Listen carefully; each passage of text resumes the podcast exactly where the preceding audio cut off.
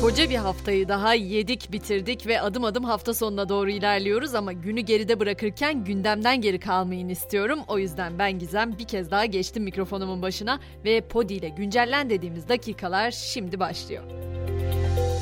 Ukrayna-Rusya savaşı ile başlayacağım çünkü savaşın dönüm noktalarından biri olarak kabul edilen bir gelişme var. O da Rusya'nın Ukrayna'nın güneyindeki Herson bölgesinden çekilmesi.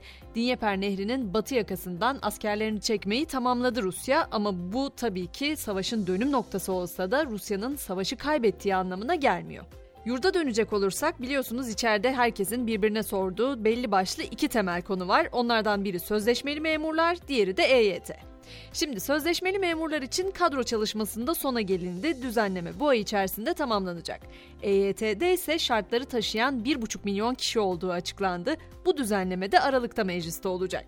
İşverenlerdense EYT'de işletmeleri de gözeten bir çözüm çağrısı var. Toplu emeklilik taleplerinin oluşturacağı yüksek kıdem tazminatı yükümlülüğüne dikkat çekiyor işverenler ve diyorlar ki nakit dengesinin bozulmaması için uygun maliyette kredi desteği verilsin.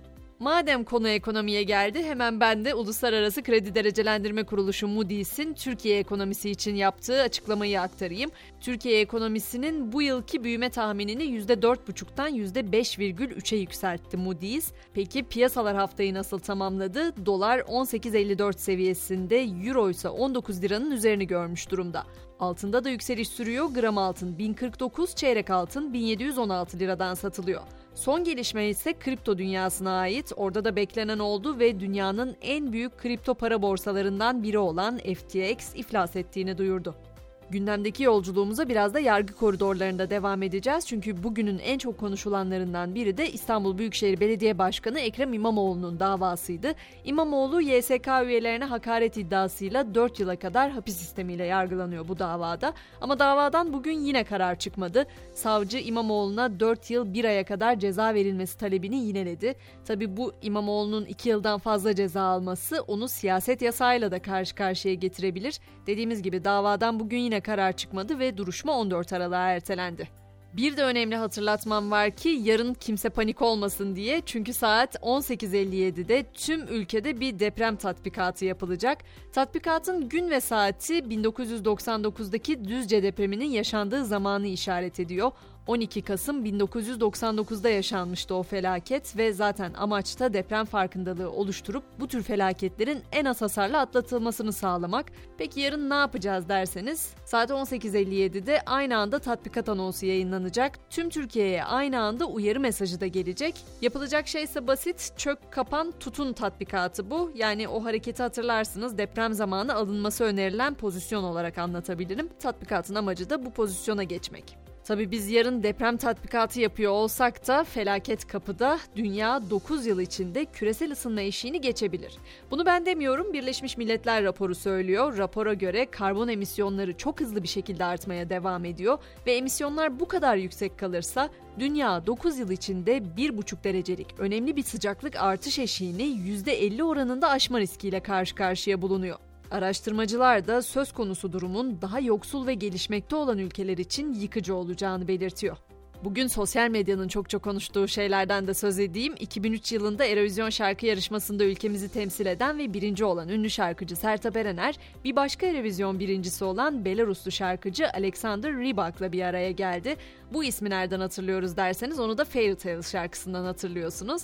İkilinin beraber çekildiği bir kare sosyal medyada paylaşıldı ve gündem oldu. Bu karenin ardından tabii düet yapacakları iddiası da ortaya atıldı. Zaten Rybak daha önce yaptığı bir açıklamada bir Türk sanatçıyla düet yapmak istediğini söylemişti.